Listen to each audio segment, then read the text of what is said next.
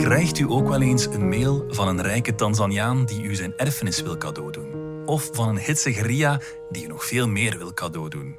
Natuurlijk trapt u daar niet in. U bent slimmer dan dat. Dat dacht Anne Olaerts ook. Tot ze een duurzame trui op het internet zag passeren. Rechtstreeks uit Patagonia en aan de helft van de prijs. Wel, ik mag al één ding verklappen. De trui kwam wel degelijk aan.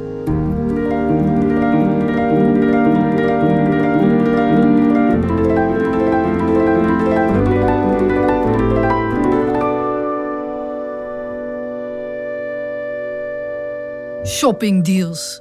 28 kilo in 30 dagen. De Vlaamse overheid die een terugbetaling wil storten. 1500 euro. En ene Ria die op mij wacht omdat ze wil worden gevingerd. Het zijn allemaal berichten die ik harteloos verwijder. Fishers, spammers, struikrovers en Ria's kunnen mij met geen enkel voorstel bekoren. Ik trap er niet in. En ik laat me ook niet afdreigen. Ik lach erom. Mij betrappen op porno. Weten ze in Rusland misschien niet hoe hoog mijn webcam zit? Zo hoog komen mijn hoogtepunten nooit. Helaas gaat het hier niet over hoe dikwijls ik iedereen al te slim ben afgeweest. Mijn koninkrijk is namelijk uit. De Chinees heeft mij gefopt. Ik wilde een trui bestellen bij Patagonia. Iets degelijks en iets duurzaams, maar wel tegen een schappelijke prijs.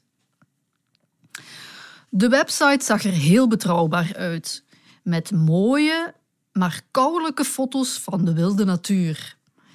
Ik ben niet zo iemand die voor de bijl gaat voor roze zonsondergangen en junglebladeren met overal druppeltjes. Bovendien waren de truien echt van Patagonia. Alleen de korting bleek achteraf Chinees.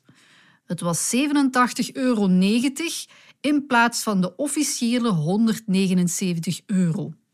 Ik klikte op betalen en het ging meteen mis. Patagonia stuurde geen mail om het te bedanken voor de bestelling. In plaats daarvan werd ver, ver hier vandaan geshingshangt. Ha, ha, ha, ha. We hebben weer zo'n hebberige witneus in ons net. Wat denken die melkzeikers eigenlijk wel? Dat ze voor geen geld toch fatsoenlijke mensen kunnen zijn? Het geld verdween van mijn rekening.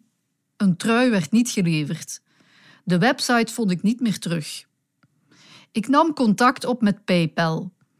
Dat het oplichters waren, schreef ik bij de opmerkingen. Drie dagen later had de Chinees geantwoord dat er een pakje onderweg was, met een link naar China Post, om mijn eigen hebzucht te kunnen volgen. Ik voelde me schuldig. Typisch voor zo'n mens dat van kouwelijke avonturenmerken zoals Patagonia houdt. Ik was zelfzuchtig, ik had geen geduld en ik had geen vertrouwen in de Chinees. Een week later kwam er een pakje aan. Het was een zwarte plastic zak met gekleurde stickertjes en Chinese tekens. Hoeveel handen zouden ervoor hebben gezorgd dat deze trui hier nu op tafel ligt? bedacht ik beschroomd. De wereld is een keten. Wij raken allemaal aan elkaar. Het gezaag over universele verbondenheid hield pas op toen ik de Chinese zak had opengeknipt. Het was een grijze sweater met een camionet erop, in onnozele kleuren. De camionet was op weg naar Patagonia. Dat stond er ook op.